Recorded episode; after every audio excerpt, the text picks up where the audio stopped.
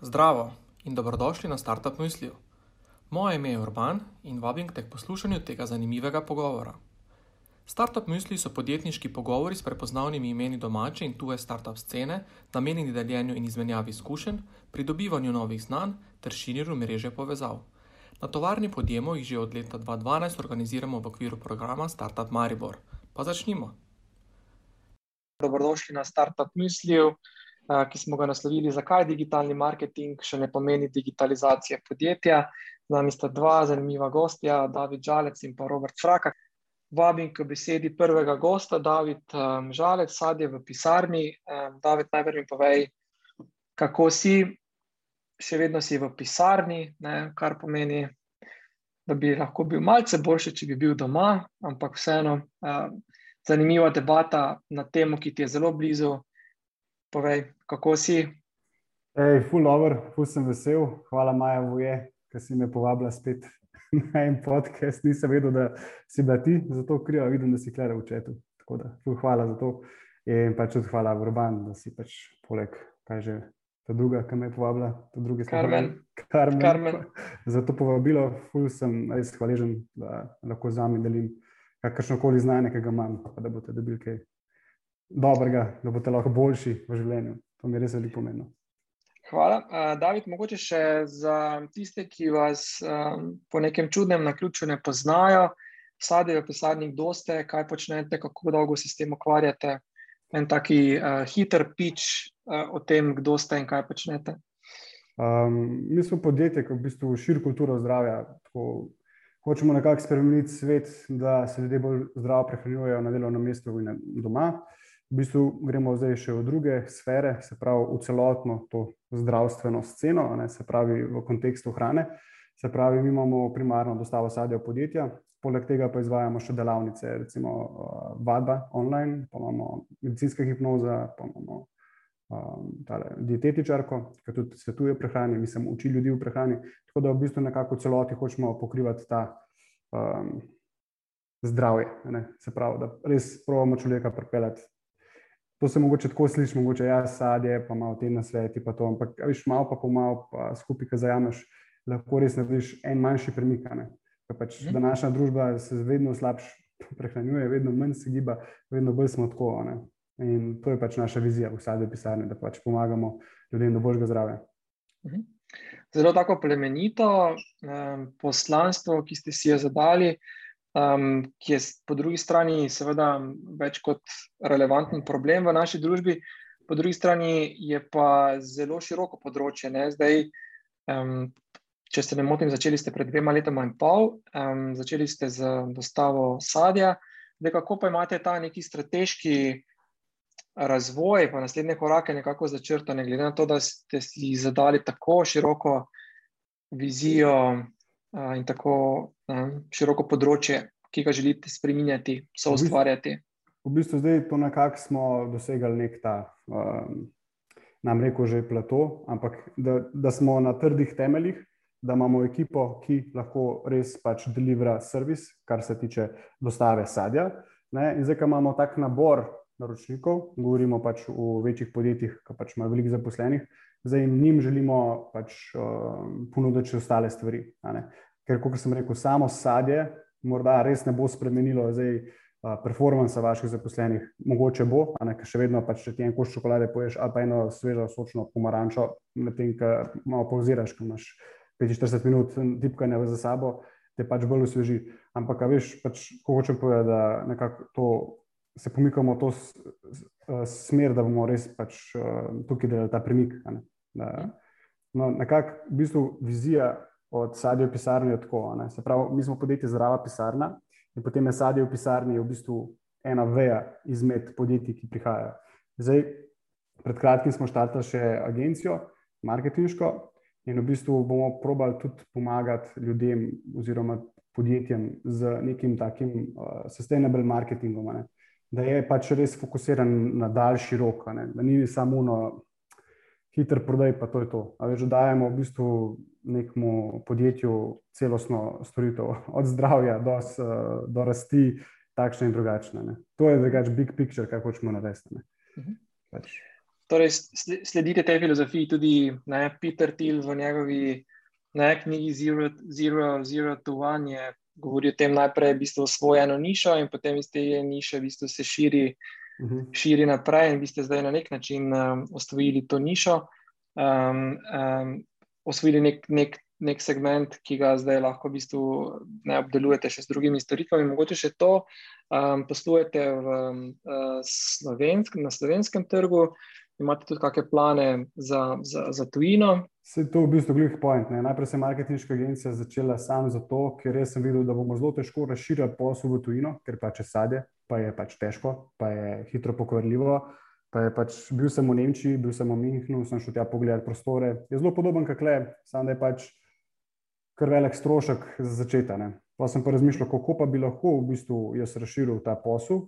In pa mi je pač kapnilo, da v bistvu edina tak servis, ki ga lahko delam po celem svetu, je pač, da postanemo res dobri v marketingu. Pač, mogoče pač, uh, pač prav zato, ker imamo sadje, ne, se pravi, prav, prav za to nišo, da se pač pravimo bolj fokusirati na to in da ponudimo servis tem podobnim podjetjem. Ne, se pravi, nekdo, ki je v Mihnu, nekdo, ki je v Dublinu, nekdo, ki je v Dubaju in pač smo njihov podpor za marketing, ker pač delam interno ekipo, ki smo zelo dobri in pač v bistvu se izobražujemo res na tem nivoju, da lahko pomagamo istim podjetjem za rastanje. Se pravi, tak način sem si izbral, kako bomo lahko razširili se po celem svetu. In je, se mi zdi tako najbolj smiselen, kar sem si preračunal, da v bistvu si ne predstavljam, da bi pač šel skladišče odpreti v Nemčiji, pa potem zaposliti človeka, pa se zakreditirati. Pa tako da se mi zdi tako, no, da pač ponudiš ljudem, ki rabijo to pomoč, ne, se pravi podpora, kot marketing. In da si zamaš tam nek delež, ne 10, kot pač procentov se zmeniš in pač probiš na tak način se širiti.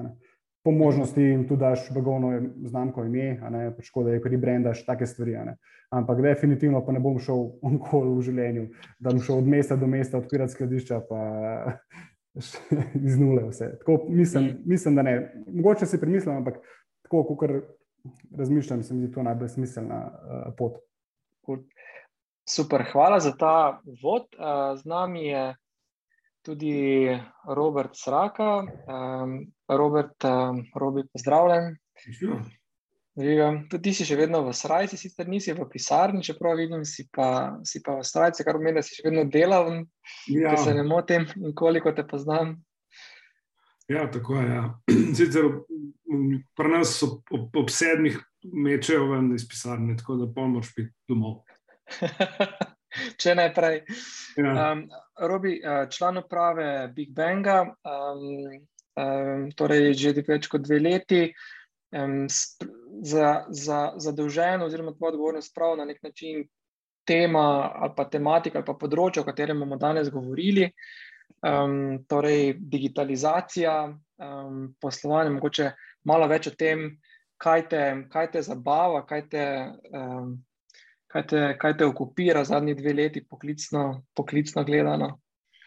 Ja, um, jaz sem bil dolgo časa bolj kot ne finančni industriji, tako da za me je bil ta preskok v retail um, zelo zanimiv. Um, tisto, kar pač Big Bang je pred, pred dobrima dvema letoma zamenjal lastnike, um, in, in cilj podjetja je, da, da, da, da dejansko gre skozi uh, transformacijo iz tistega klasičnega trgovca v, v, v, um, v vse kanalno podporo, se pravi, da, da smo dosegljivi strankam po vseh kanalih, um, po tistih, ki jih pač stranke želijo, lahko tudi stopijo na enega in stopijo na drugega na nek. Transparenten način, to pa seveda zahteva um, spremembo v, v, v načinu delovanja, v načinu uh, razmišljanja, v, v tehnološki podpori. In um, zadnji dve leti sta bili uh, zelo aktivni in razborljivi v, v, v, v tej transformaciji. Zdaj, jaz upam, da se pri Big Bangu to tudi na zunaj opazi. Big Bang je sicer znano ime, ampak uh, je nekaj časa malo zaspalo. Um, zdaj se pa to mora videti in skozi, skozi naše trgovine, več kot polovica trgovin je že prenovljenih, um, tudi skozi, uh, skozi nove spletne platforme, pa ostale aktivnosti, ki jih počnemo. Zdaj, digitalizacija je bila od nekdaj um, na nek način tudi strastne, novi poslovni modeli. Um, vedno iščeš neke nove priložnosti, tehnologija je nekaj, kar ti, kar ti je zelo pri srcu, ti to pri tvojem delu um, pomaga, te včasih tudi uvira, ko preveč poznaš neke stvari v podrobnosti. No, ne bi rekel, da je to uvira. Mislim, jaz dejansko digitalizacijo vidim kot, mislim, ko, zdaj, ko se pogovarjamo, ker je to že tema. Ne, pa, uh, ker percepcija ljudi um, lahko zelo različna. Jaz pač to vidim kot poslovno transformacijo z uporabo tehnologije. Zdaj, ključno je, da je to poslovna transformacija. Ne. Um, transformacija je pač neka velika sprememba. Ne. Um, tehnologija je pa pri tem katalizator, nekaj, kar ti omogoča, da to transformacijo izvedeš. Mm, mm. Cool. Um, prej si omenil, torej, je policija trgovina že obnovljenih. Um, na Foklepetu, v Zahodarju. Uh, si omenil tudi, da zdaj prenovljate največjo trgovino v, v BTC-u. Ja. Cool. Maja, maja, maja bo, bomo, bomo novi. Bo, bo velika otvoritev. Cool. Uh, evo, um, hvala za ta, za ta uvod. Skratka, k besedi uh, ste vabljeni tudi prav vsi um, poslušalci, sodelujoči na današnjem, današnjem um, uh, mislijo. Tako da vprašanja lahko zastavite, bodi si v čat, um, bodi si priklopite mikrofon, uh, se pogumite in zastavite vprašanje. Tako da veselim pričakujemo vaše vprašanje, mnenja, um, tudi če se s kakšnimi stvarmi um, ne strinjate, imate drugo mnenje z veseljem. Je torej današnji misli namenjen vam, tako da upam, da boste dobili čim več stvari. In, in koristnih informacij, s tem, da boste v vaših podjetjih, v vaših podjetniških podvigih šli um, čim bolj um, korenito in konkretno naprej. Tako da um, zaenkrat um, torej, uh, je to bil uvod, zdaj pa uh, seveda za prvo nekako vprašanje. Ne, um, Tematika oziroma naslov je, ne, zakaj digitalni marketing še ne pomeni digitalizacije podjetja. Zdaj, um, seveda, bez termini ali pa besedne zveze, okrog katerih se bomo danes vrteli, so vem, digitalna transformacija, ki smo že na nek način omenili, pa digitalni marketing, pa digitalizacija. Um, pa bi prosil, mogoče kar oba, um, Robe in Davide, da malo poveste, kaj si pod temi pojmi v bistvu predstavljate. Torej, digitalni marketing, digitalizacija, digitalna transformacija. Zdaj, če imamo te tri pojme, Uh, mogoče vsak um, uh, izmed vaju začne, pa bom jaz kar prosil Davida, um, da, je, da je prvi, pa se potem še robi, robi priključi. Torej, digitalna transformacija, digitalni marketing, digitalizacija, kje, kje smo zdaj v tej fazi. Jaz dojemam to digitalizacijo kot, se pravi, da je reči, da je to obramba. Digitalizacija je neke vrste obramba, ki čuva tvoje podjetje, da je funkcionalno. Medtem, ker digitalni marketing je pa unka napada, ki ti jih ta posel. Tako, samo da ločimo v štatu, kaj so te dve stvari. In jaz to dojemam tako, pač, da jaz pa nisem nikoli bil v digitalnem svetu, ker sem tako mlad. To hočem povedati.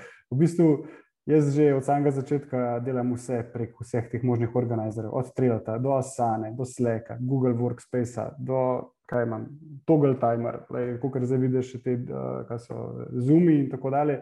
Tako da jaz ne vem, kaj točno so prej počeli, ker se mi je zdelo vse tako malo. Ok, sem mogoče na mestnem sestanku tako online, sem šel v živo, pa tudi samo zato, ker jaz fulred sem v živo človekom, da se čutim, da pač kaj je good vibe. Meni je to čisto drugače, kot kar prek Zuma, ampak se navajam na to.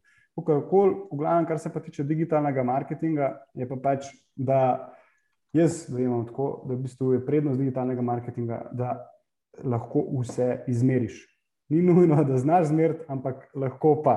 In če znaš, je to fulj velika prednost. Ker, naprimer, če daš ti v glas na jumbo plakate, veš, da ljudje več gledajo v telefon, kot na cesto, kje bojo zdaj zraven še jumbo plakate gledati. Recimo, primer, pa le upam, da nisem koga užalil, da jumbo plakate, ampak kul. Cool. Je mogoče za kakšnega drugega zihar ni za me. Pač, uh, jaz ne morem kupiti jumbo plakate, ker pač jaz ne morem izmeriti tega vložka v in, in povratek v, to, v ta vložek. Medtem, ko ta digitalni marketing, se pravi ta socialna mreža, te platforme, ki so od Google do vem, LinkedIn, do Facebooka, to je v tem času pač zlato. V bistvu je to denar, ki na, na tleh leži in zdaj, če ga znaš pobrati, ga boš pobral, drugače pa ne. In da nam pozabimo tudi e-mail marketing, ki bi ga tudi dal kar gor visok, gor visok na, na ta vrh, zato ker pač folk misli, da e-mail marketing ne deluje. Pa pač bom še enkrat rekel, že eno pol leta nazaj sem bil na eni konferenci, pa sem zelo močno podaril. In ja, e-mail marketing ima svoje mesto še vedno, in če ga znaš prodelati, lahko veliko narediš iz njega. Okay, zdaj, če imamo en, en pojem, še ostal digitalna transformacija. Um, zdaj, glede na to, da si že na nek način od začetka digitalen, um, ti ta digitalna transformacija z vidika vašega podjetja uh, je na nek način sploh relevantna ali um, ste od vsega začetka? Da, da jaz v bistvu večer manj sem vodil posel prej iz telefona, pač, ker itek sem bil skozi na terenu, veš, kaj imaš dostave. Pač, ti, na začetku, ko odpreš podjetje, pač delaš vse in pakiraš in dostavljaš in pač ni da ni.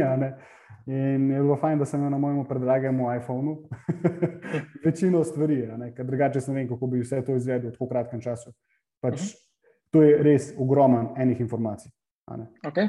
Je, ne mogoče zapisati z roko, no. mislim, mogoče bilo, sem po mojem ne bi pospal, ali pa je bila ista masa na tem.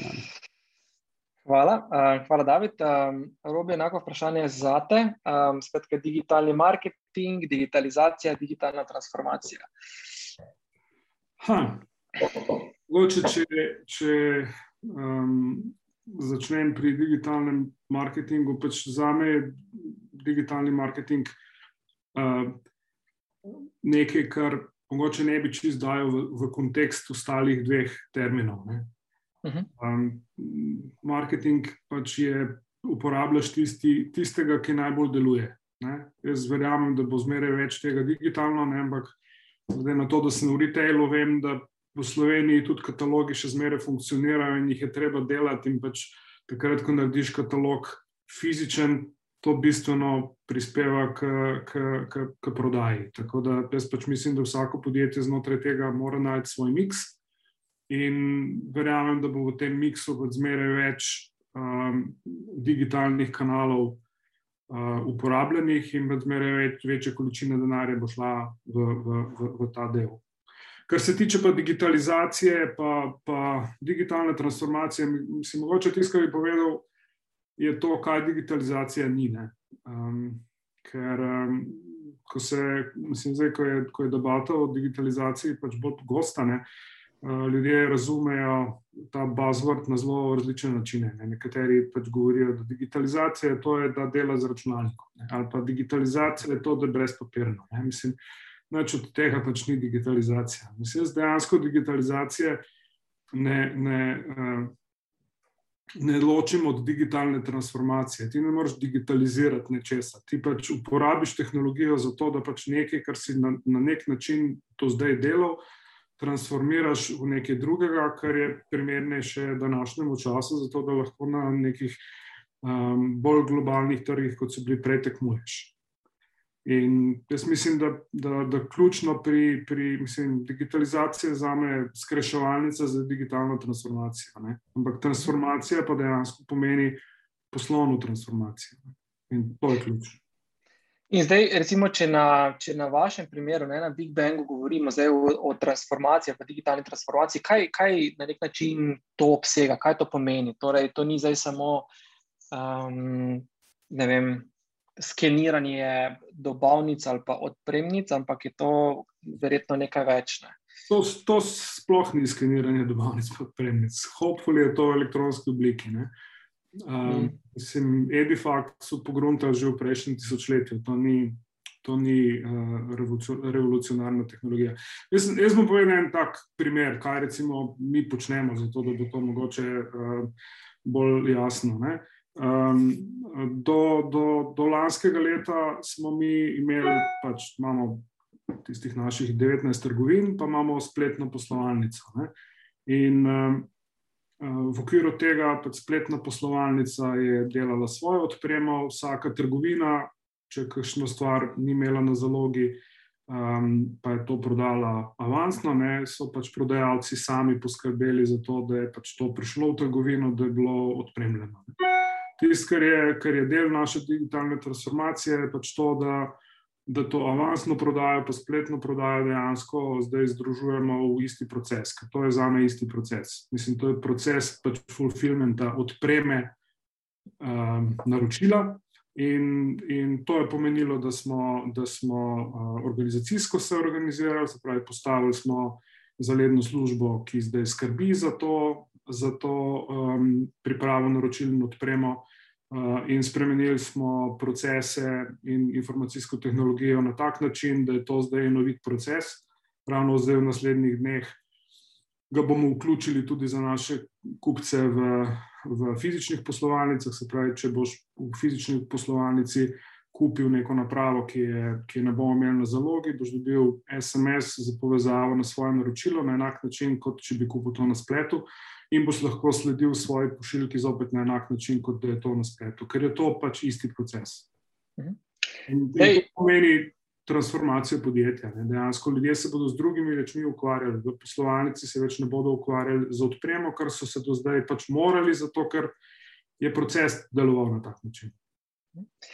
In zdaj um, eno vprašanje, okay, za torej, poglavitno ali pa glavno vodilo ali pa gonilo te neke teh sprememb, katerih si omenil, ne, je, je vem, dvig dobičkonosnosti, je um, dvig učinkovitosti, ki je seveda s tem tudi malce seveda, povezan ali pa zelo posredno povezan. Neposredno. Um, kaj je to glavno gonilo teh nekih sprememb in zakaj se je to zdaj začelo v bistvu intenzivno dogajati v zadnjih, ne vem, mogoče um, petih letih? Uh, David Krempel, tako vas bomo vključili, samo uh, Robert, dokonča to vprašanje. Um, Ja, mislim, jaz bom rekel tako. Ne. Jaz mislim, da to je razlog, je to, da ostaneš relevanten. Ne? Dejansko se uh, v, v trgovini se stvari hitro spreminjajo, um, uh, spletna prodaja um, se povečuje. Um, dejansko um, vsi veliki um, trgovci po svetu poskušajo najti um, poslovni model, ki nekako učinkovito združuje um, to offline fizično izkušnjo z, z, z online izkušnjo, zato da pač trgovci lahko so relevantni in da, da, da lahko prosperirajo. In pač mi delamo isto. Mhm. Pa še mogoče to, ne ta del, zdaj pri vseh teh spremembah, ki si jih tudi omenil v, v, tem, uh, torej v, te, v teh te, transformacijskih procesih. Ne, v resnici so torej, kupcem, ki kupujemo ali preko spleta ali pa um, preko, preko fizičnih ali pa v fizičnih trgovinah, je veliko teh stvari, ki si jih omenil, praktično nevidna, pa skrita. Ne? Skratka, veliko nekega dela v zadju. Um, je tehnologija, so procesi, um, so ljudje. Uh, v resnici je ne, dosti te transformacije, v resnici transformacija, ki je za vrati podjetij, ne toliko ne, pred vrati podjetij. Ja, jaz bi mogoče, jaz bi mogoče omenil. Um, um, no, knjigo od Venkata, Venkata Ramana, The Digital Matrix. Uh, to je ta uh, profesor iz Bostona, ki smo ga imeli enkrat priliko, urban, uh, mm. med na zajtraku.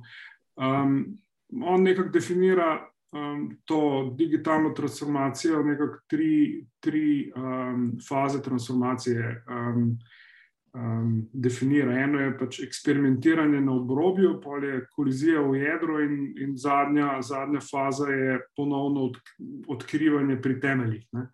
Um, dejansko, zdaj, če pogledamo vsaj večje podjetja, pri nas so še zmeraj bolj ali manj v tej fazi eksperimentiranja na obrobju. Ne? Zelo velik je poudarek na, na, na uporabniški izkušnji, ampak uporabniški izkušnji v smislu, Eh, če se, če se malo grobo izrazim, kozmetike, front-enda. Um, ti ne moreš narediti dobre uporabniške izkušnje, če imaš za več procesa, ali če, če so procesi pač neoptimalni za to, kar želiš z njimi narediti. In nažalost, to zahteva precej večje spremembe, ki, ki uporabniku mogoče niso vidne. Vidne so skozi to, da je naenkrat, ko, ko so izvedeni, da naenkrat proces teče gladko. Ne? recimo, marsikateri, marsikateri uh, naš kupec ima težave s tem, da, da, da imamo napisano, da imamo nekaj na zalogi, ne, in potem ne moremo tega dostaviti v enem dnevu.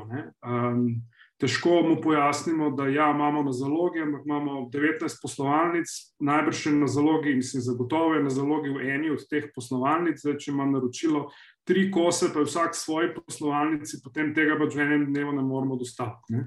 Hmm. In um, rabiš procesne spremembe, zato da lahko to narediš. Bodi si dovolj transparentno, da, da stranke razumejo, kaj počneš, bodi si, da pač stvar spremeniš, obrneš na glavo, postaviš logistični center, kjer z enega mesta potem lahko to um, od, odpremljaš bistveno hitreje. Ampak in eno in drugo zahteva pa spremembe v procesu in načinu dela.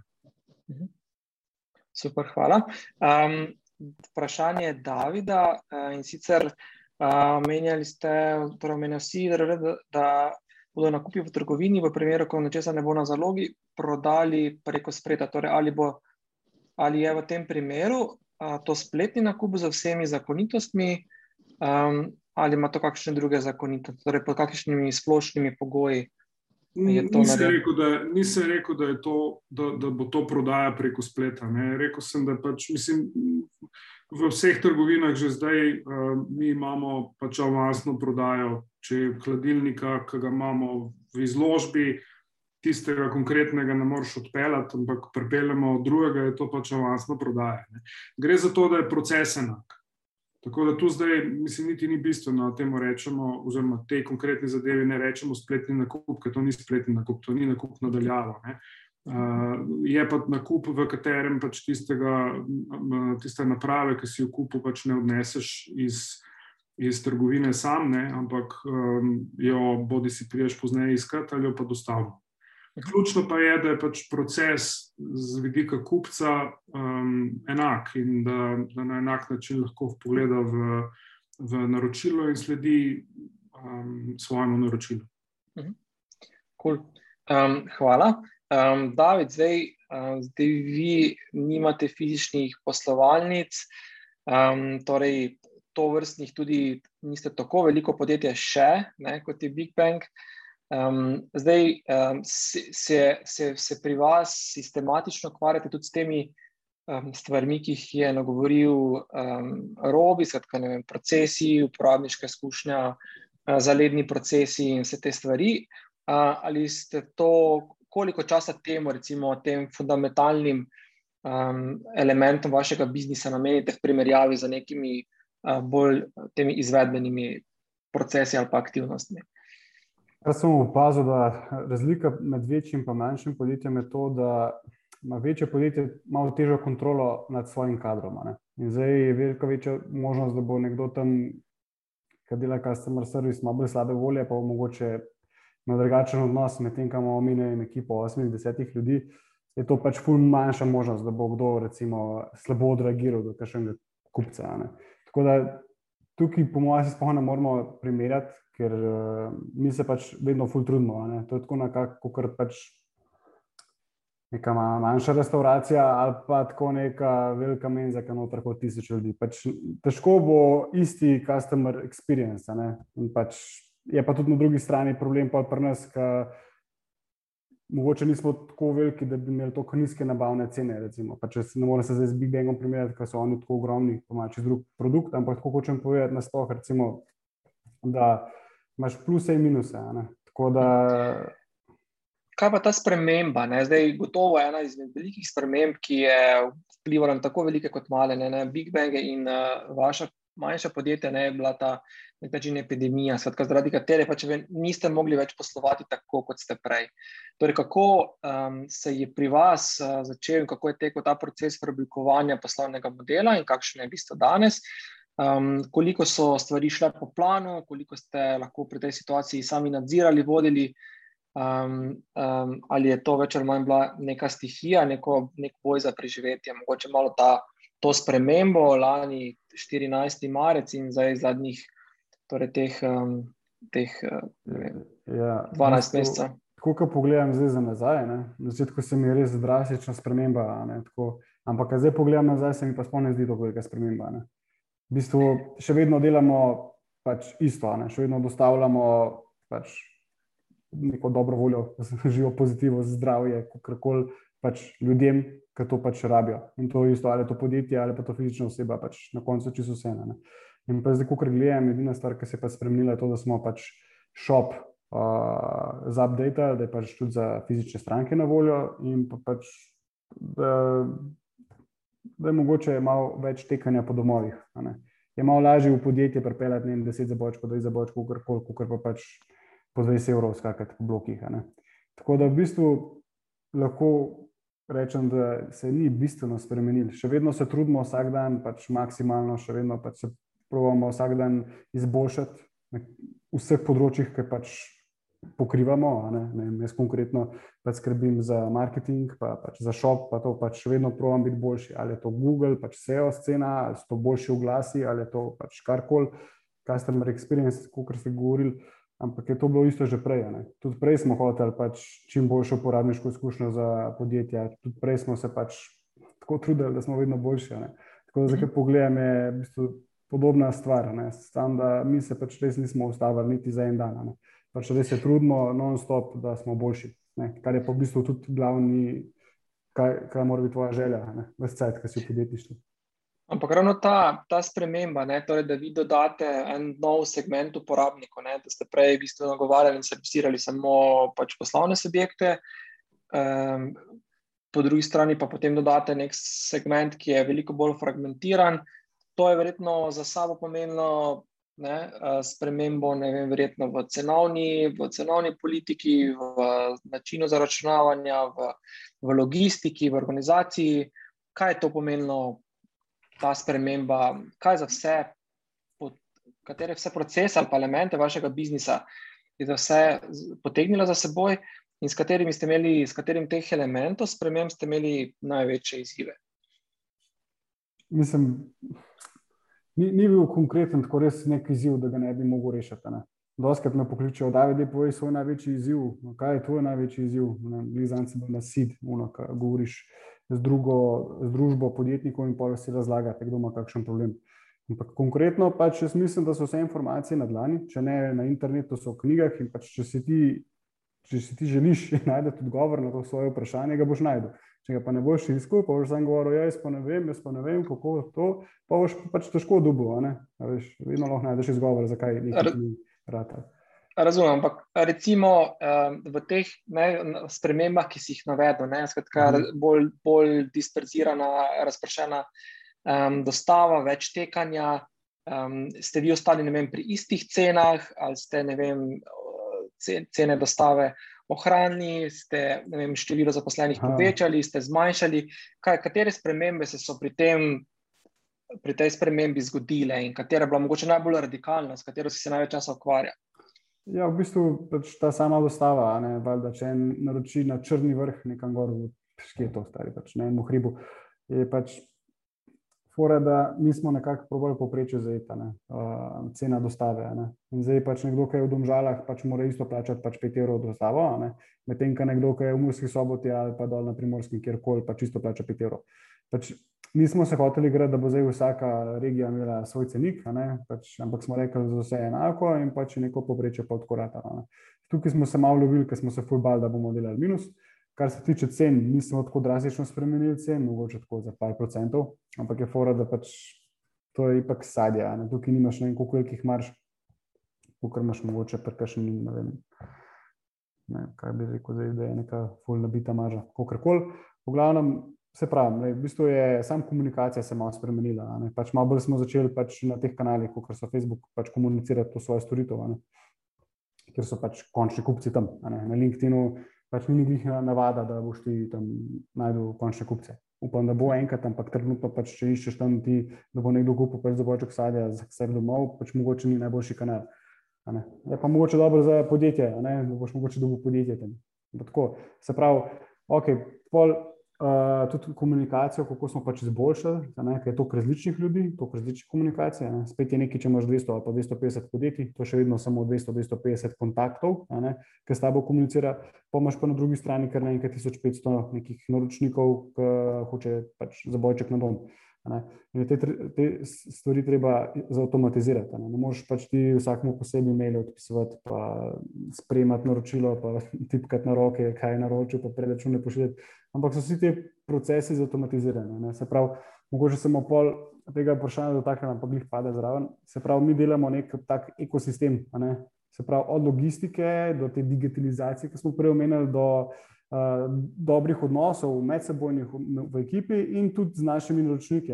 Delamo pač vse skupaj, to vse celoto, ki pač drugače vse skupaj, ki je ena hišica skart. Ne? Če nekaj ne deluje, ne? če imaš ti slab, slabi ljudi v ekipi, ki so nezadovoljni, Ne, verjetno ne bojo tako hitro odreagirali na pritožbo, ali pa ne bojo pač tako prijazni do svojih vaših naročnikov, pa mislim do naših naročnikov. In tako hočem povedati, da v bistvu je ta celota, sploh pa zdaj se mi zdi najbolj pomembna, da si na vsakem koraku pač maksimalen, kot se le da.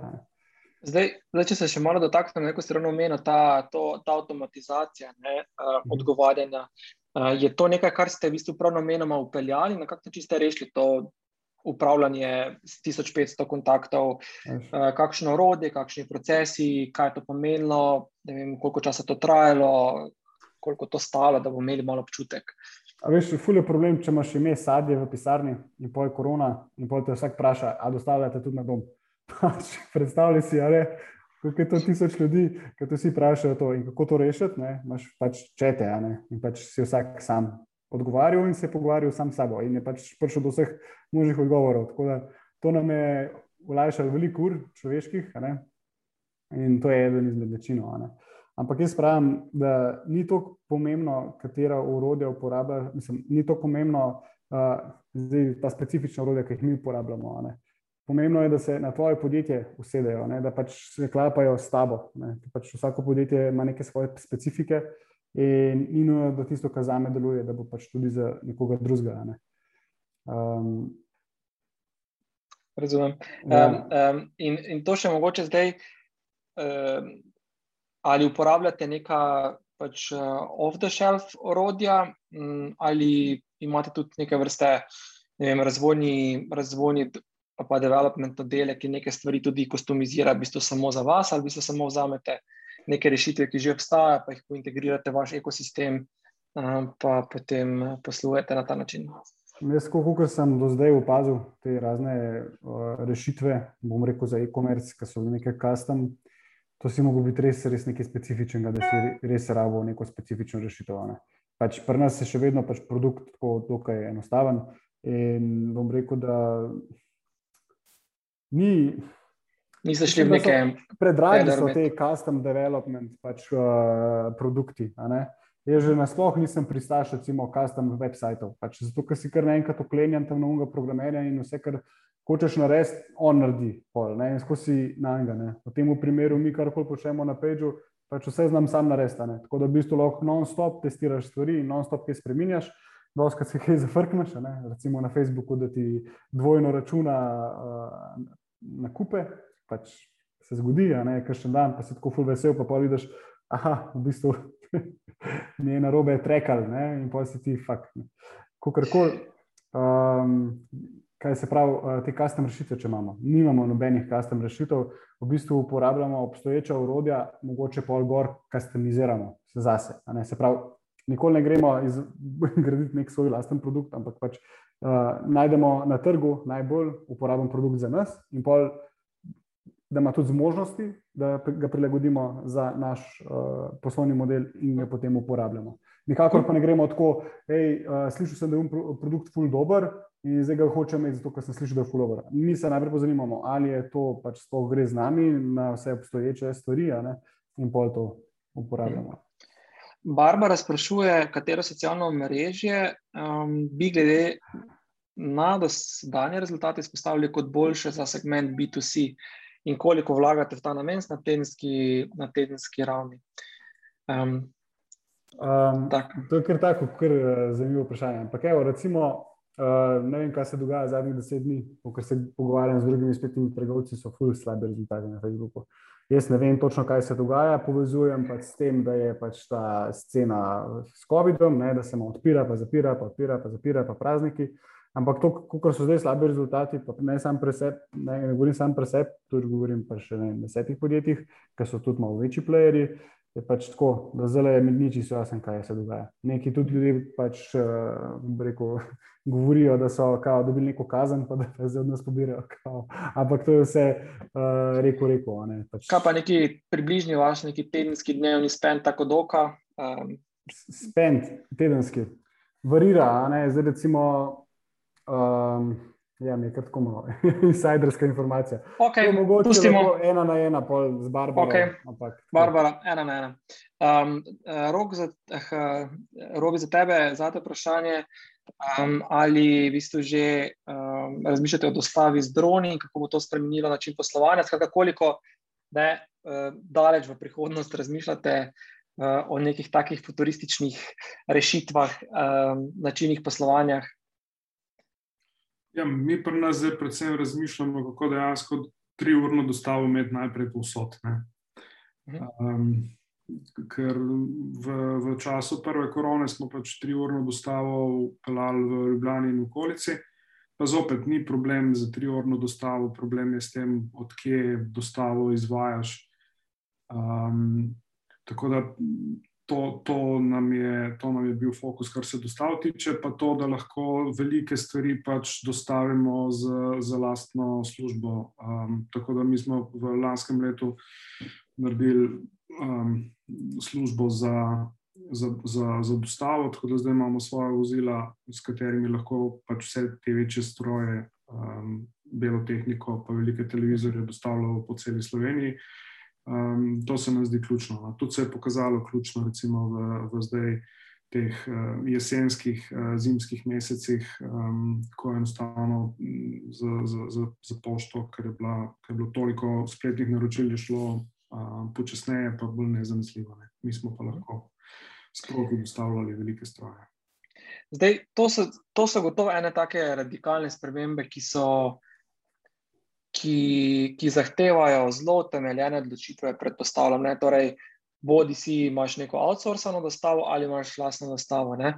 Zdaj, uh, nekako jedro teh za te odločitve pa je gotovo tudi stranka in njegove in, in njene potrebe in njene pričakovanja. Zdaj, uh, ta triurna dostava, ste na kak način ste, robi, v bistvu.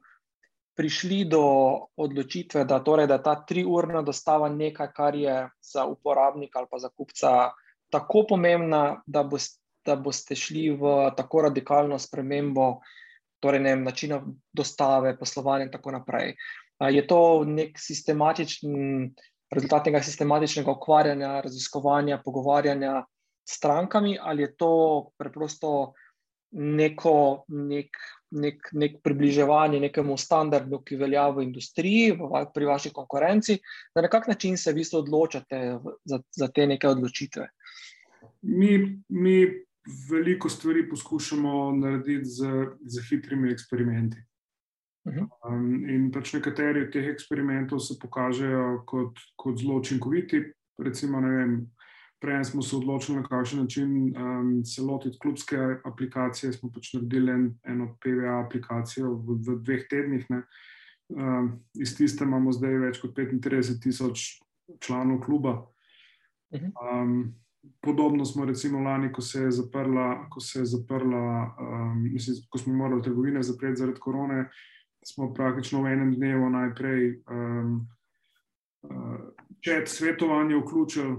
Ko se je pokazalo po prvih nekaj dneh, da, da je to čet svetovanje zelo učinkovito in da so stranke zadovoljne s tem, smo, smo praktično v nekaj dneh poiskali um, en španski startup, um, s katerim smo potem v, v treh tednih vzpostavili video svetovanje. In mhm. video svetovanje smo potem, z tega smo zdaj naredili ločen oddelek. Tako da zdaj imamo oddelek, ki izvaja video svetovanje, s tem, da ti video svetovalci zdaj so na voljo tudi v trgovinah, recimo v tistih trgovinah, ki so manjše, pa mogoče nimajo specialista za kakšno, za kakšno področje, pa lahko pa z video svetovalec nadaljavo pomaga.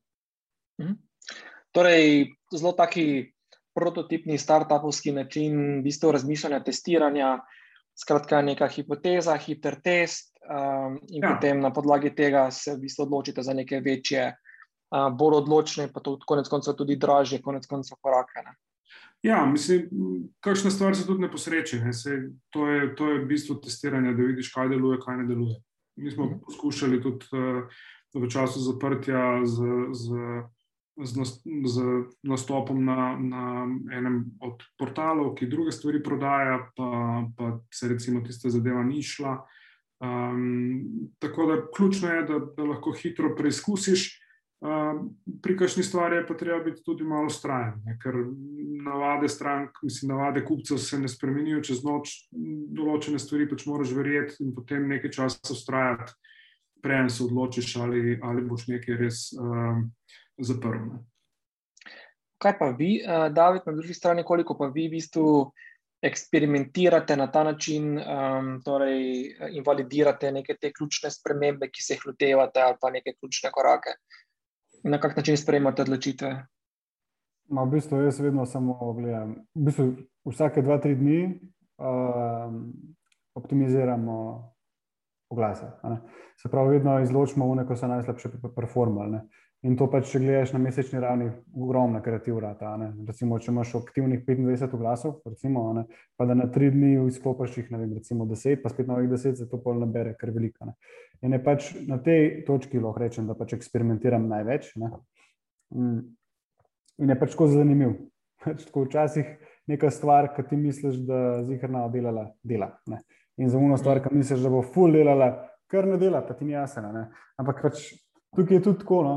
Pri nas sem opazil, da je tudi odvisen od vremena, kaj reče Pop TV, 24 ur, kaj rečejo, korona, ja, korona. Ne. A veš, morate vedeti, da, pač sit, da je folk malo sit teh um, digitalnih nakupov in tako dalje. Trenutno, ker sem jaz opazil, spet sklepam po sebi, uh, ko poslušam ljudi, mogoče ni res, ampak malo so tako, da je malo puste na spremembe, gremo na sonček.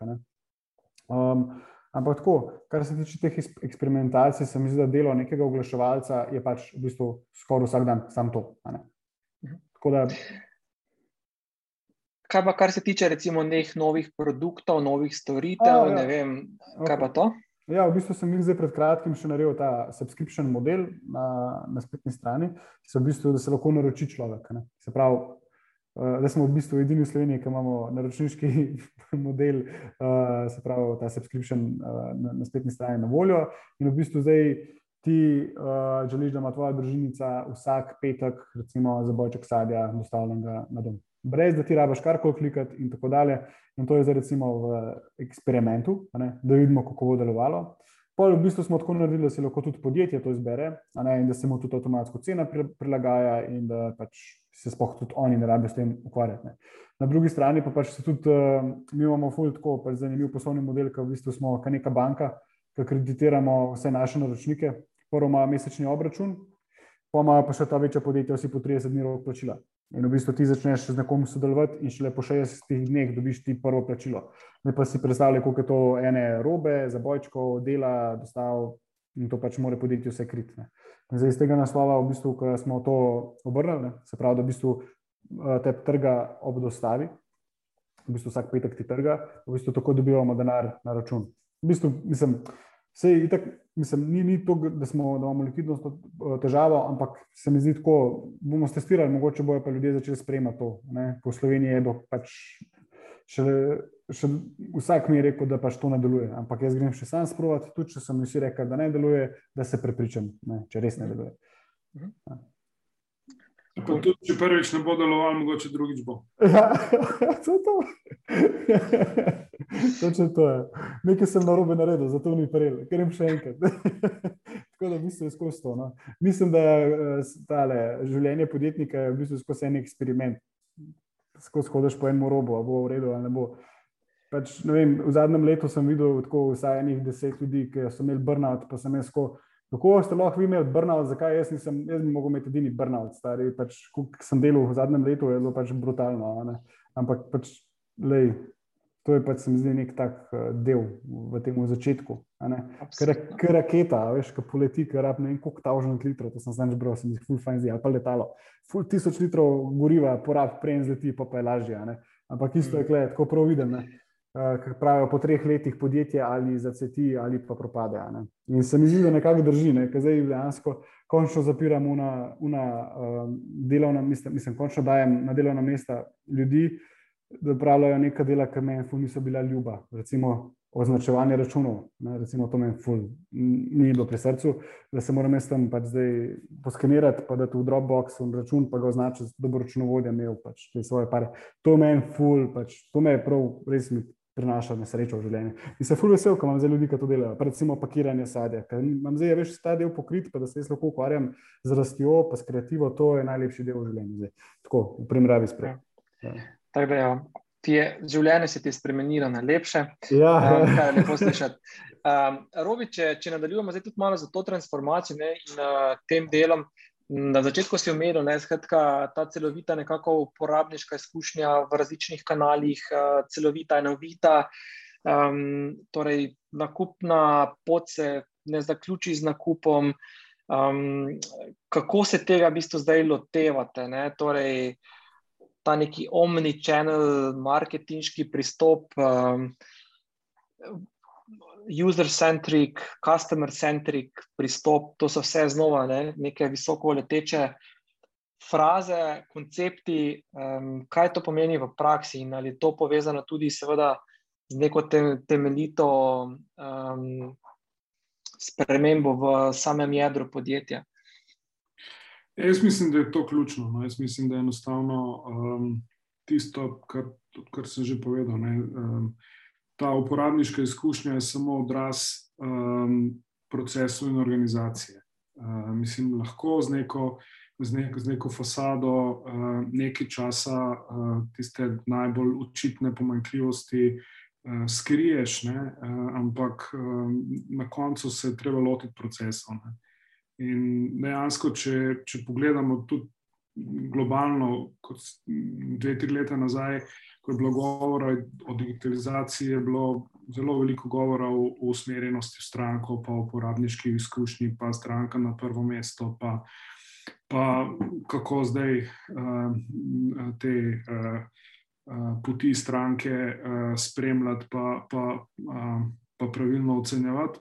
Um, se je pa vsaj v velikih podjetjih v, v zadnjem letu, dveh, ta fokus precej premaknil v, v, v tisto, kar je pač boleče, to pa je spreminjanje procesov. Ne. Mislim, zato mogoče tudi kakšne, kakšne tehnologije so zdaj zelo vroče, ki so, kar se mene tiče, bolj kot ne strampot. Ne. To so recimo ta robotic process automation urodja, ki v bistvu velikim firmam omogočajo, da tistih procesov, ki jih ne morejo tehnološko nadgraditi, eh, da, da, jih, da jih nekako pospešijo na način, da, da softverski roboti odklikajo v starih aplikacijah tisto, kar bi morali sicer uporabniki odklikati. Mm. To, to je pač nekaj, kar je začasna rešitev, zato da ti ni treba čakati dve, tri leta, pa spremenjati uh, arhitekture, pa uvajati nekih novih rešitev, kar je v velikih firmah boleče, ampak da imaš neko vod. Ampak mislim, da je to zavedanje, da enostavno gre za transformacijo poslovanja in transformacija poslovanja pomeni mislim, spreminjanje procesov in spreminjanje tudi načina dela, kulture podjetja. Um, eno z drugim je povezano. Ne, ne moreš, mislim, samo tehnologija nič ne reši. Dejansko uh. -huh. moraš celovito pristopiti k, k, k spremembam v podjetju. In zdaj, če se ne omenjajo, si vem, procesi, tehnologija, kultura, ljudje, seveda, povezani z vsem tem. Zdaj, kateri izmed teh rekel, elementov ali pa vidikov sprememb je najbolj zahteven po tvojih izkušnjah, oziroma kje ste imeli vi, ali pa imate še, ali pa ste imeli največ nekih izzivov, trend. Um, kaj bi rekel, da je najbolj in kako ste ta, te, te izzive na nek način tudi rešili? Jaz mislim, da, jaz mislim, da je zmeraj pač najtežje pri.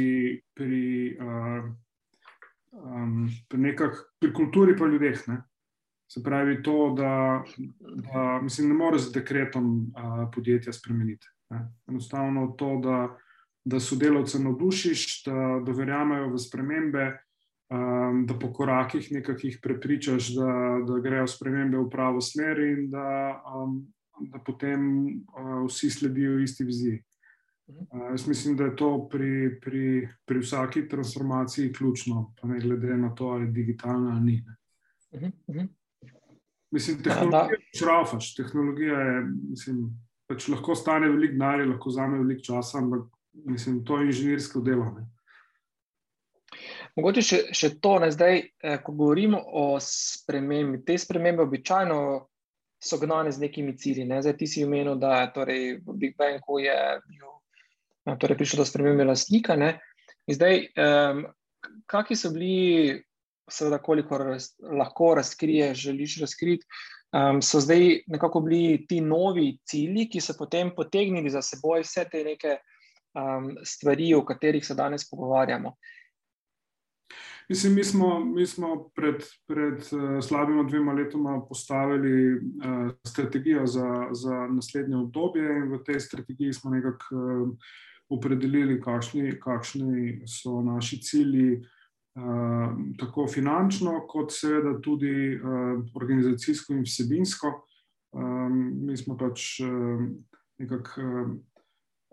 Sklenili, da, da, da želimo pomagati uh, kupcem uh, v, v, uživati v wow, wow tehnologiji, da jih, da jih želimo navduševati in želimo to narediti na način, da, da smo v pomoč v, v, um, v celotni rabi neke tehnologije, od nakupa pa, pa, pa tudi uh, v času uporabe. Um, in na podlagi tega smo potem definirali neke glavne strateške uh, projekte, s katerimi zdaj to strategijo um, udejanjamo. Uh, tako da pač cel ta sklop um, um, nas, nas, nas vodi, ki je v strategiji določen.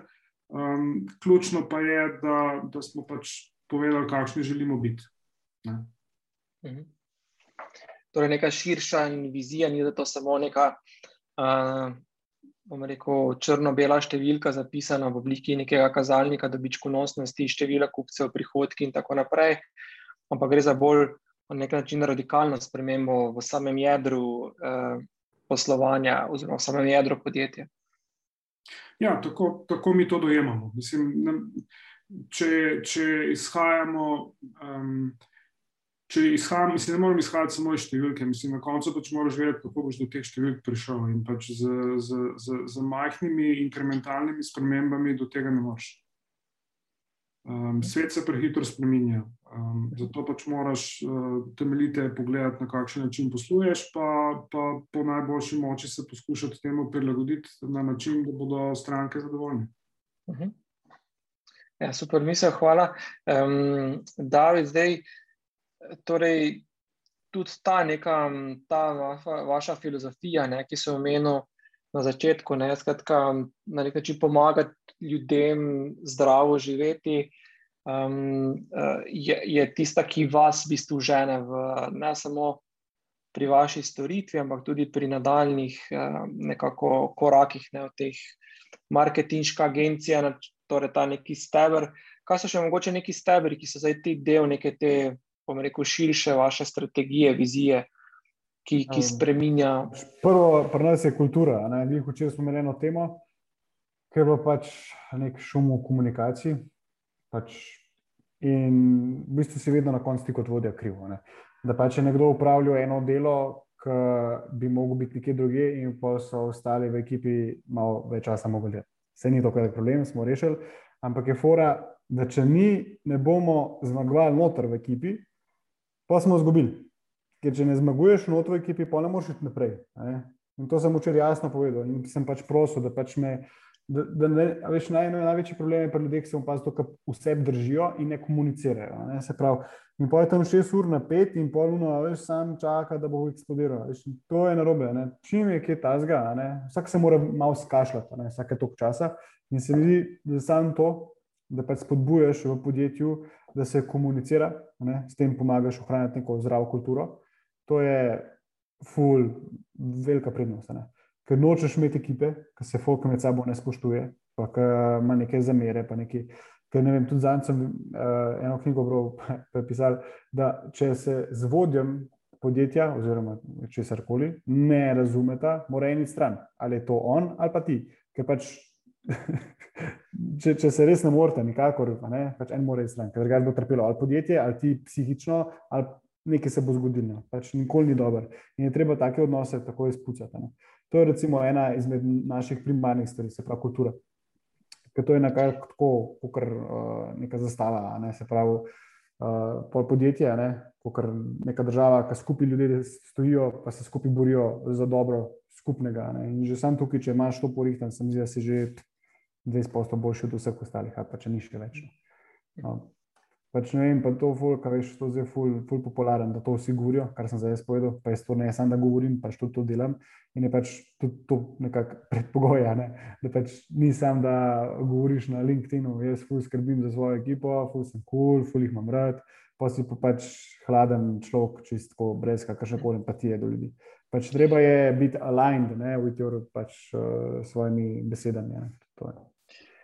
Koliko so pa, uh, robi, mogoče pri vas, ne, tudi te neke zahteve, te spremembe bile toliko korenite, da je, ste tudi morali zamenjati, spremeniti uh, strukturo zaposlenih, uh, vašo ekipo, jedrno, širšo ekipo? Um, tako bom rekel, no, v, v, na, na sedežu družbe je bilo kar nekaj sprememb. Tako da. Um, In zdaj imamo res super ekipo sestavljeno, ker to, da imaš dobro ekipo sestavljeno, je nekako pogoj, da lahko, da lahko um, spremembe delaš, da, da pač grejo vsi v isto smer, da ni nekih, nekih trenj. Uh, na poslovalnicah, seveda, ne. Mislim, um, tam je fokus, da, da, imamo, da imamo najboljše prodajalce, strokovnjake, ki znajo veliko povedati, pa pomagati strankam, in tam želimo še poglobiti njihovo znanje, medtem ko, med ko um, seveda pa, pa iščemo kakšne, kakšne nove strokovnjake, ki smo jih imeli mogoče v preteklosti um, premalo. Ne? Predvsem z, z temi, bi rekel, digitalnimi kompetencami, če zdaj uporabljam to besedo. Uh -huh, uh -huh, okay. Kaj so mogoče tako specifično, pa znova ne? nekaj, kamor, ali pa katera smer, katero področje v teh nekih digitalnih kompetencah je tisto, ki jo zdaj mogoče najbolj krepite, kolikor se da znova um, pač lahko izdaš, uh, brez da. Um, ne, pa, enako vprašanje, v bistvu za oba. Torej, kje, kje, kje imate na nek način manjko, ali pa kje vidite neki največji potencial um, za, za nadgradnjo podjetja, poslovanja, storitve, za vsem tem, z namenom vsem tem, o čemer govorimo danes? Um, jaz sem to na dva dela razdelil. Um, kar, se tiče, kar se tiče ekipe, um, tisto, kar zdaj delamo, kar mislim, zdaj krepimo dejansko ekipo z, z ljudmi, ki nam bodo pomagali, um, tudi vse naše sodelavce nekako potegniti zraven v, to, v, v, v te spremembe, ki jih delamo. Um, Tako da um, pomembno je, da, da, da, da sodelavci, ki prihajajo, da um, um, lahko um, delujejo povezovalno in nekako um, pomagajo ekipam, da spremenijo način dela, pa da gremo vsi v isto smer. Um, tako da to, to se mi zdi, da je, da je, da je v, v naši fazi razvoja ključno. Uh, drugače, pa, drugače pa tisto, kar bomo mi zagotovo, kar se pa tiče teh nekih uh, digitalnih sprememb, delali, je, je to, da bomo, da bomo v bistvu, um, mislim, imamo kar nekaj projektov zdaj v, v, v teku, um, ravno zato, da bi čim bolj poenotili um, zopet to uh, spletno, online, offline izkušnjo in prehajanje iz ene, iz ene v drugo v tem trenutku še ne morem nekih podrobnosti razkriti, ampak, ampak uh, definitivno to je mm, zelo visoko na, na, na, um, na naših prioritetah. Prioritetni listi. Pri vas, David? Sam še enkrat ponovno prosim vprašanje, da bom kaj, vedel, kaj bomo odgovorili. Ja, torej, um, kaj so nekako profili kompetence, ki jih nekako iščete, um, ki seveda tudi določajo nekako vaše smer razvoja, vizijo razvoja podjetja? Um, načeloma, zdaj tako, kar se tiče zdaj te agencije, ki imamo, iščemo dobre pisatelje. to je zdaj naš glavni problem.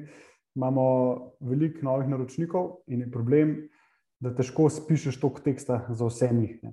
To recimo pa tudi povezujem na sadje v pisarni, ker pač veš, vemo, kaj je treba še zrihtati, ampak preprosto je toliko veliko dela, da rabiš nekaj časa, da prideš odpraviti to napako. Veš, mislim, zavedanje je, da ni še stvar čisto popolna, brez napake, ne, in vemo tudi, kaj moramo še izboljšati. In je zdaj edina stvar še to, da pač čas uložimo v to stvar. In mislim, da je v teh, kot tudi pri Big Bangu, oni po mojem rabijo isto čas. Ne. Oni vejo, da hočejo boljšo kulturo imeti in tako dalje, in zdaj so se lotili tega, in zdaj samo vprašanje časa, kdaj bodo tega ali isto pri nas. Mi skozi pač nadgrajujemo stvari, zdaj dodajemo, ok, zdaj smo ta subscription dodali. In zdaj na drugi strani bomo imeli to online vadbo, online psihodelavnice, pa te prehranske, uh, prehranske svetovanja, in zdaj narediti koncept za to, prodajno stranko bo to prodajala in oglase za to, kaj bo delovalo. In v bistvu je skozi en on-stop neko učenje, ne, testiranje in pa vidiš, a to pije vodo. Ne. Tako da v bistvu, um, ne vem, sem ti odgovoril na vprašanje. Ne, si, ampak malo si mi pa podal izhodišče za drugo vprašanje. Sicer, da te nove storitve so seveda povezane tudi uh, z neko novo vrednostjo, ki jo ustvarjate. Ta nova vrednost je veliko krat tudi za nek nov segment uporabnikov. Um, kaj, koliko, koliko je se ta sprememba, oziroma ta neka nova vrednost, neka nova storitev, bo tudi odražala pri vem, vaši blagovni znamki, pri vašem nastopu na trgu, ker verjetno zdaj. Eh, Vem, uh, prehransko svetovanje si še znam predstavljati na nek način pod blagovno znamke sadje uh, v pisarni, medtem ko vadbo si mogoče ne znam najbolj predstavljati pod to blagovno znamko. Zdaj, koliko razmišljate o teh nekih novih blagovnih znamkah, podblagovnih znamkah, o nekih teh novih storitvah, do katerih prihajate um, pri tem eksperimentiranju, prilagajanju. Ja, nisem omenil, da v bistvu agencija ima svoje ime, to fruitful marketing, če si ločeno. Uh, kar se pa tiče sadja v pisarni, pa te delavnice, pa to smo, sem pa ta zga mnenja, da je boljš najprej sprobati, če to sploh pije vodo, preden se lotiš pač čisto ločiti pač ta, to rešitev. V bistvu mi bomo testirali na obstoječih naročnikih, najprej, pa bomo to probali še širši množici, da vidimo, če sploh pije vodo.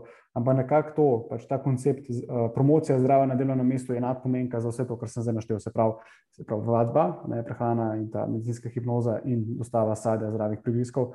To vse spada pod promocijo zdravja na delovnem mestu. Tako da načeloma lahko pade noter v sadju pisarni še vedno. Ne.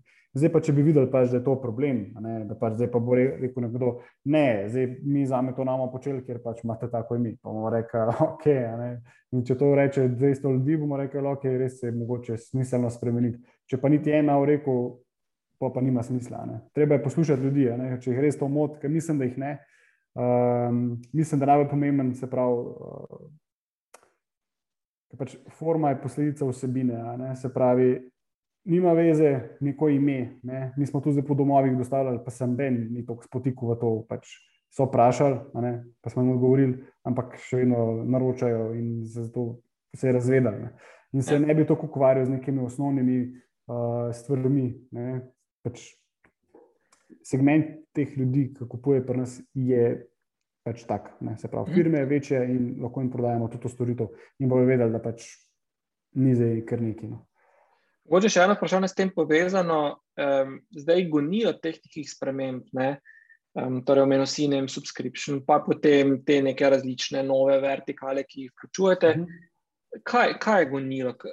Oziroma, kdo, kdo je tisti ključni motivacija za tem? Je to mogoče neko spremljanje konkurence, tujine? Ne, ne, ne. Um, ne, ne. Kdo, kdo vas žene v te neke ne, nove? V bistvu, jaz, tako rekel, konkurence sploh ne spremljam. Imam prav blokirane vse, prav nočem vedeti, kaj delajo, ker mi. Kam nimamo nekih zdravih odnosov z njimi, pač nekako nismo z nobenim od naših konkurentov tako res v dobrih odnosih, kot vidim, da so recimo neka podjetja. Uh, in je fora, da pač um, provam čisto izolirati stran od njih, ker vidim, da nekdo nekaj dela, pa da je v podobni industriji, me kar malo tako rekel, to moje kreativno, mi kar malo nič, ne vem zakaj. Pač, ko začnem se fokusirati, kaj on dela, kaj je uno, in pač probam se sploh ne obremenjuje, se niti razmišljati, kaj je on, ker potem vidim, da so vedno boljši rezultati. Pač, mhm. hočem povedati še enkrat, se pravi, da sem opazil pri sebi, da je mi je boljše, če ne vem, sploh kaj počnejo in da se ukvarjam sam s sabo, kot da se pač ukvarjam s komorkoli drugim. Ker čim se ukvarjam z nekom drugim, vidim, da izgubljam fokus in je to brezvezeno. To, kdo pa to uh, ideje, pa to, moš vedeti, da pač meni že v štartu bo pa, pač promocija zraven delovno mesto, se pravi, da delamo za podjetje, da pomagamo. Pač že v štartu, ko se je ta poslovni model naredil, je bilo to mhm. cilj. Ne? In pa je bila ta spet okoličin korona, pa da smo po domovih šli in tako dalje. To smo mi delali dejansko že prej. Mi smo na Johnson Johnson izkaza plastiki že imeli te delavnice v živo in se je pač korona zgodila. Takrat smo jih hoteli za laufa dobro, se je dobro začelo odvijati, ampak je pa fora, da ti to zamakne. Pač in se treba prilagoditi, kaj trenutno ljudje rabijo, ne kaj pač ti hočeš imeti.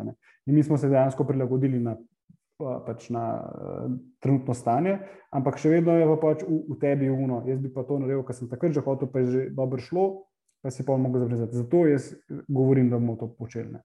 Da, um. Hvala, super. Robi, uh, enako vprašanje za te. Torej, gonilo, motivacija, spremembo, ker ena je ta nek nov lastnik, nova neka strategija.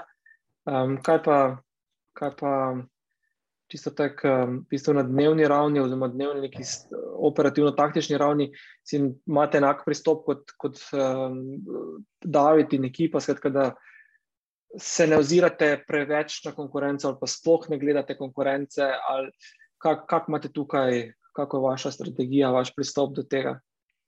Mislim, da bom tako rekel, pač malo že gledamo, kaj ostali počnejo, ne? ampak um, se pa predvsem zanašamo na tisto, kar um, kar nekako sami ocenjujemo, da, da, da bo na, na kratek in potem tudi na srednji rok pač največ eh, učinkov prineslo. Um, to je zmeraj to pogojeno tudi s tem, na kakšen način si organiziran. Imáš neko svojo specifiko, ki jo moraš upoštevati. Če si preveč odvisen od tega, kaj drugi počnejo, potem, um, potem skačeš od stvari do stvari, pa, pa ne dokončaš. Uh mhm. -huh. Zdaj, pri, pri spletnih nakupih, spletnih trgovcih, sploh uh, tehničnem blagu, kot je s katerim ga prodajate, Big Bang, ne, se je vedno na kak način se, se ponuja ta primerjava. Ne, zdaj, zakaj v Big Bang, če lahko naročim na vem, Amazonu, kjerkoli druge. Um, zdaj, uh, tudi zakaj, bi, zakaj fizična trgovina, če mi splet zagotavlja um, enako ali podobno izkušnjo. Se to so zdaj neke take, bom rekel, floskole, ki nekako plavajo v nekih debatah, uh, pa kljub temu, da, ne, da obstaja Amazon, še vedno obstajajo spletni, lokalni spletni trgovci, kljub temu, da lahko vse kupimo na spletu, še vedno obstajajo fizične trgovine. Zdaj, kako vidiš um, to, nekako te, te debate, ta neka, um, bom rekel, mnenja, ki so veliko krat kontradiktorne, ki so bolj take površinske ocene, zdaj sploh pri, pri tem nekem nakupovanju. Jaz bom rekel tako, ne. to je um, en, ena rešitev, ni, ni za vse. Um, svet se spremenja, mislim, mogoče z. z z medijskega sveta, ki nam je bliže. Ne? Mislim, ko je naš radio, naj bi ubil časopis, pa ga ni, pa potem je prišel TV, pa ni ubil radia, pa je prišel internet, pa ni ubil nobenega čist. Mislim, vse vsak, vsak, vsak naslednji medij seveda vzame en del uh, pogače, pa je vsem ostalim malo mal težje, ne? vsaj v neki fazi. Um, Ampak um, na koncu pač ljudje imajo različne preference, mislim, ni vse za vsakogar. Mislim, mi pri nas opažamo, da mi smo imeli um, zelo dobro internetno prodajo, recimo v, v jesenskih mesecih, ampak kako hitro so se trgovine odprle, so ljudje prišli v trgovine ne? In, uh mhm. -huh. in ne kupujejo na spletu, oziroma kupujejo manj. Jaz verjamem, da, da je treba imeti uh, in eno in drugo izkušnjo, da se bo postopoma uh, več ljudi odločalo za, za, za nakupe na internetu, ampak da po drugi strani si še zmeraj želijo sploh kakšne draže naprave um, videti, uh, prijeti, utipati. Uh, in mi verjamemo, da z neko povezano omnichannel izkušnjo lahko takšne kupce, um, takšnim kupcem pomagamo do, do dobrega nakupa um, pri nas, bodi si v fizični, bodi si v internetni prodajalni ali pa v kombinaciji. Mhm. Mislim, pa, Zdaj, da če en del, en, del, en del te trgovine bo pa, bo pa, se bo pa preselil uh, tudi k drugim spletnim trgovcem, to pa je neizogibno. Um, za, za vse, ki, ste, ki spremljate debato, zdaj premaknili smo se v zadnjih, zadnjih deset minut debate, tako da, koliko še imate kakšno vprašanje, zarobljali, da je takr na dan z njim, da ne bomo um, prehiteli, vas prehiteli. Um, zdaj pa še, še ena, ena stvar, ki me zanima, ta, ta fizične, fizične trgovine, ne, ta izkušnja. Um, veliko je nekakšno razmislekov, zdaj, kaj, kaj bo ta neka ne, nova, spremenjena realnost, kako bomo ljudje kupovali, kako bomo ne, različne stvari počeli. Zdaj, gotovo, vidva kot um, v bistvu upravljavca podjetja, pa tudi neke vrste uporabniških izkušenj, veliko razmišljata o tem, uh, imate kakšne izoblikovane misli, glede tega, kaj, kaj se bo zdaj zgodilo, kaj bo ostalo enako, kaj se bo spremenilo. Mogoče kakšne zanimive številke, s katerimi lahko postrežete, tudi mogoče z kako primerjavo z obdobji pred korono, po, med korono, po koroni. Um, uh, kar moče robi, če začneš, pa potem David. Um, mislim, kaže, da bo, da bo korona dejansko, da je korona dejansko pospešila določene procese, ki so se dogajali. Um, vprašanje pa je, ko, ko, mislim, kako so, ti, so te spremembe trajne. Um, jaz verjamem, da bo precej večji delež um, ljudi, kot do zdaj kupoval po spletu, um, tudi uporabljal določene, mislim, te spletne storitve. Dejansko so bili nekateri zdaj med korono prisiljeni na nek način prvič uh, narediti uh, spletni nakup, um, pa sploh, um, mislim, ga pripeljati do konca. Vse ljudje so po spletu že, že prej, večinoma vsi gledali stvari, niso pa mogoče tistega končnega koraka s spletnim nakupom naredili. Marsikdo se je zdaj enostavno naučil tega, kar prej ni znal. Tako da jaz verjamem, da bo, da bo, da bo to pospešilo um, ta nek, nek prehod na, um, um, na spletno trgovino. Bi pa rekel, da je Slovenija mm, vseeno drugačna kot vem, Amerika. Ne. V Sloveniji pač do trgovine priješ 10-15 minut, tudi do večje trgovine priješ pol ure. Ne.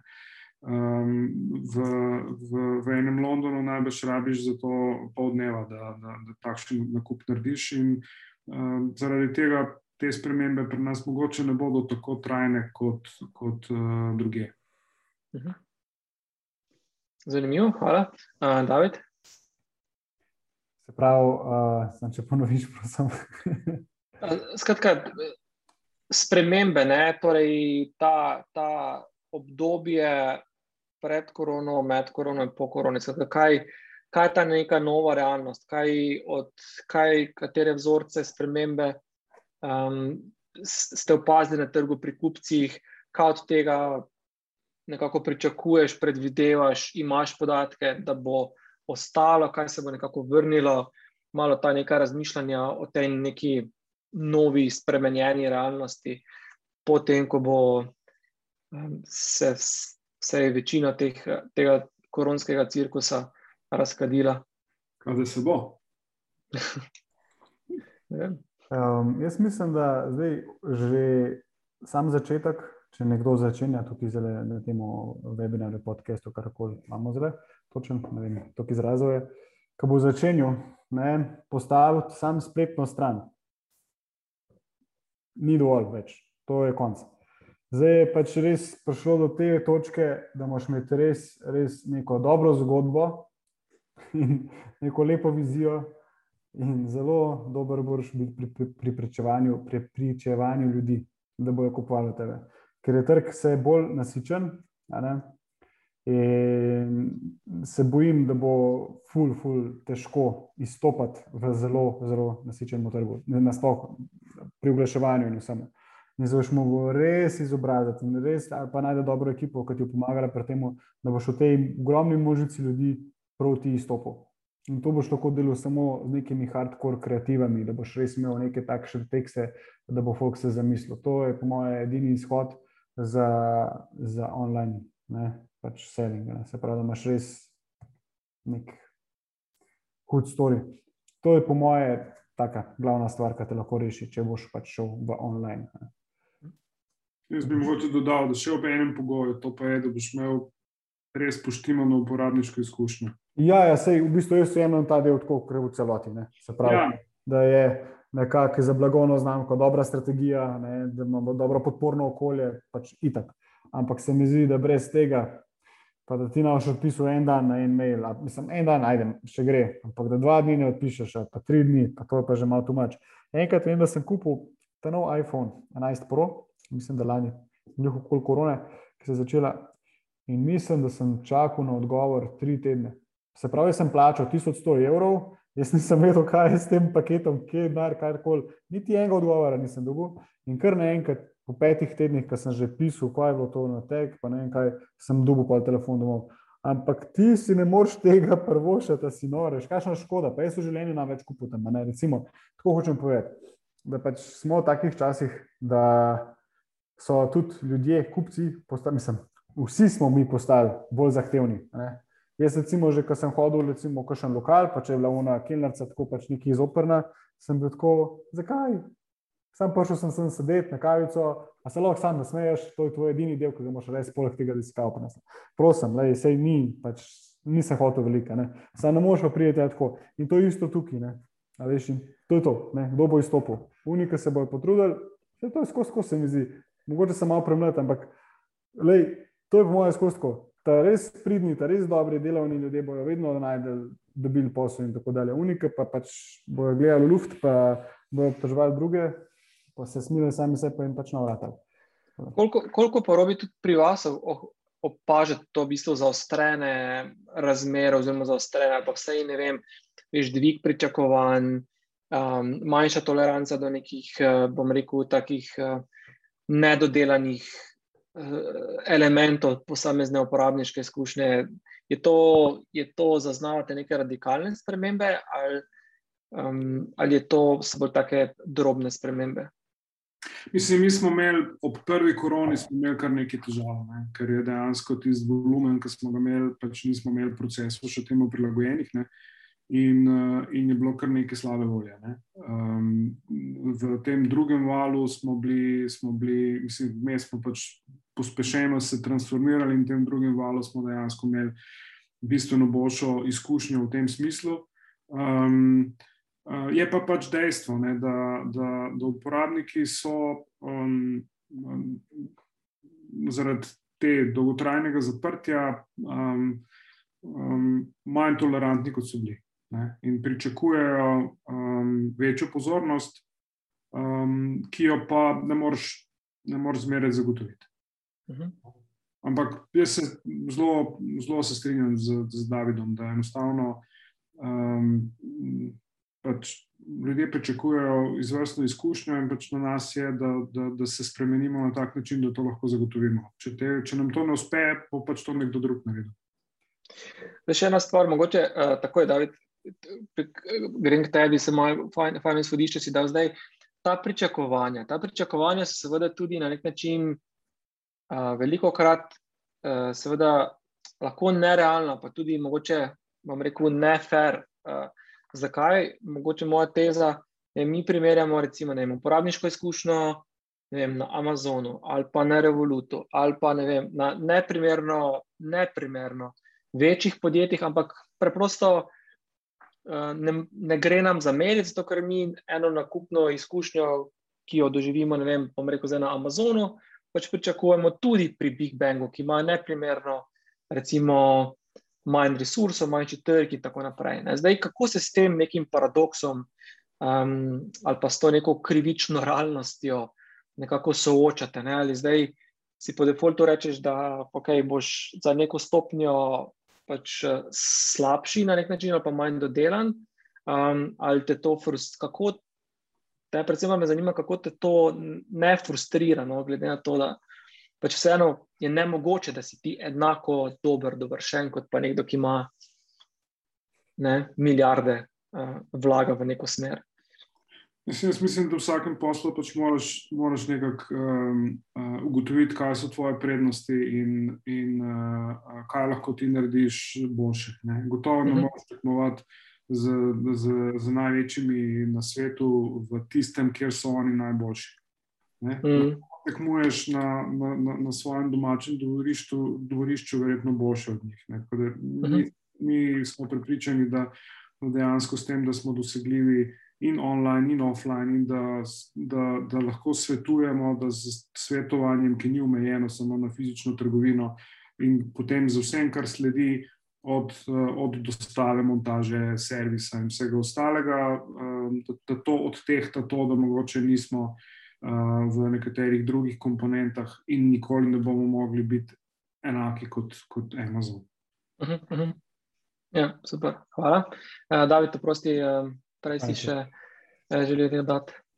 Veš, fokusirati se na stvari, ki si slab, že tukaj pač brez veze. a ne. Že tukaj, če se fokusiraš na stvari, kjer si slab, skozi pač že to, ta pristop, ki živiš s tem, da skozi gledaš, kje si slab. Še enkrat, da gledaš samo na stvari, kjer si slab, že to te omeji, ker pač že v osnovi si pa brez slabe volje. ne.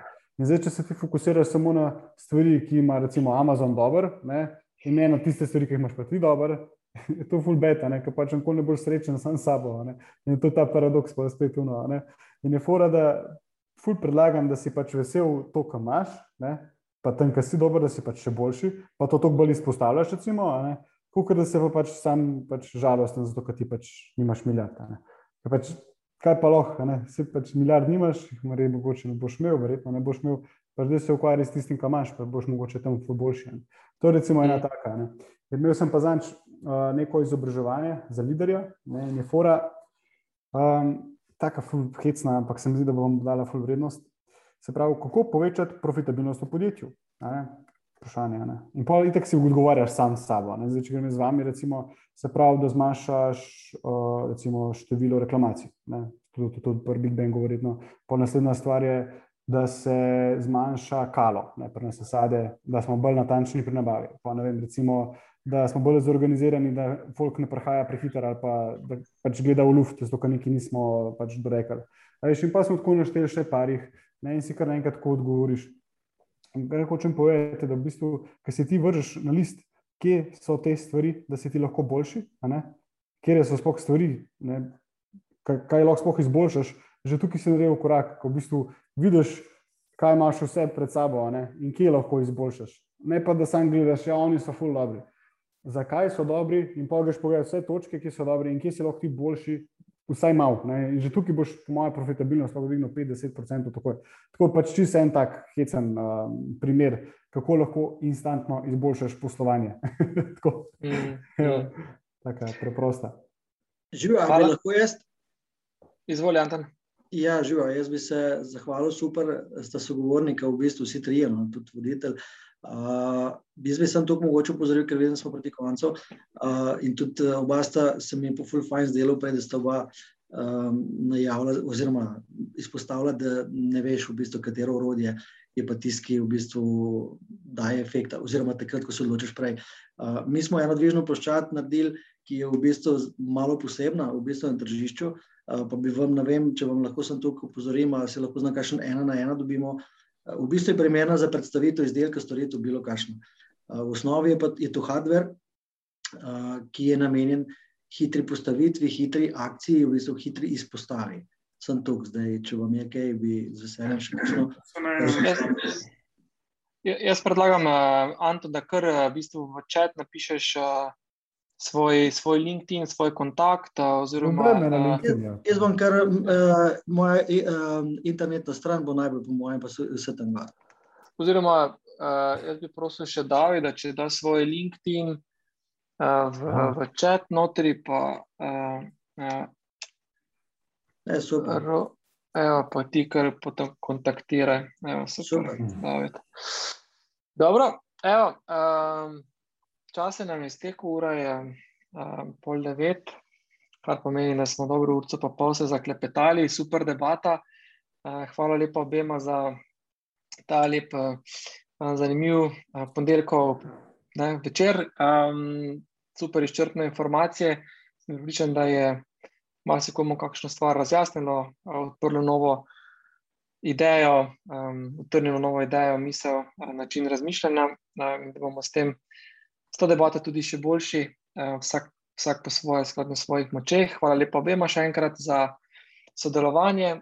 Upam, da se zdaj tudi živo srečamo. Hvala enako. Z veseljem. In Hvala. se vidimo ob kakšni naslednji priložnosti. Vsem, ki ste sodelovali, pa seveda srečno in uspešno naprej, prav tako seveda tudi David in Robi vama. Srečno in lep večer. Hvala. Ja. Živa. Ja. Ti je bilo všeč? Da ne boš zamudil novih epizod, klikni subscribe. Veseli pa bomo tudi tvoje ocene, komentarje in delitve, da za nas vedo še druge radovedne glave. Pobrskaj po naši bogati zbirki pogovorov, gotovo se v njej skriva še kaj zate. Se slišimo?